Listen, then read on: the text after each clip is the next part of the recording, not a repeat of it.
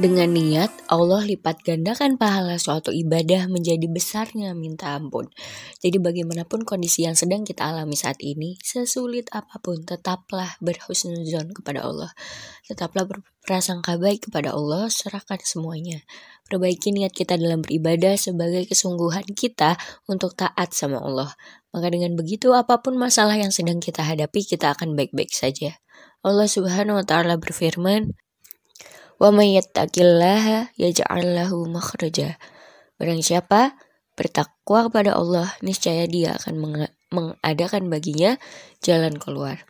Quran surat At-Talaq ayat 2. Wa yarzuquhu min haitsu la yahtasib. Wa may yatawakkal 'ala Allahi fahuwa hasbuh.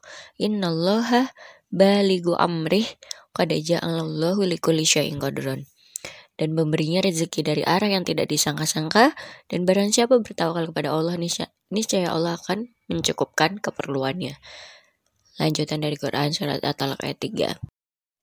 Bulan Ramadan ini merupakan bulan yang menjadikan kita orang-orang yang bertakwa. Maka jangan bingung dengan bertanya-tanya, enaknya puasa-puasa gini ngapain ya?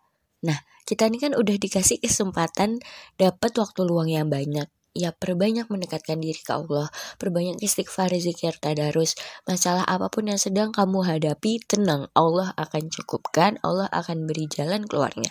Jangan berputus asa, jangan juga takut untuk mengeluarkan harta kita untuk bersedekah dan berinfak di bulan Ramadan ini. Sayang sekali teman-teman kalau kita siakan hari-hari kita di bulan Ramadan. Ibarat Allah kasih kita promo nih dalam beribadah.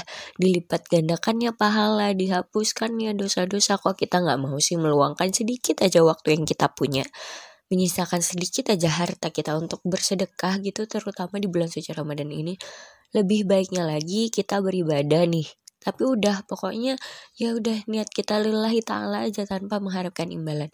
Kalau ini udah di other level of believer gitu ya. Semoga Allah subhanahu wa ta'ala selalu menuntun hati kita dalam ketaatan.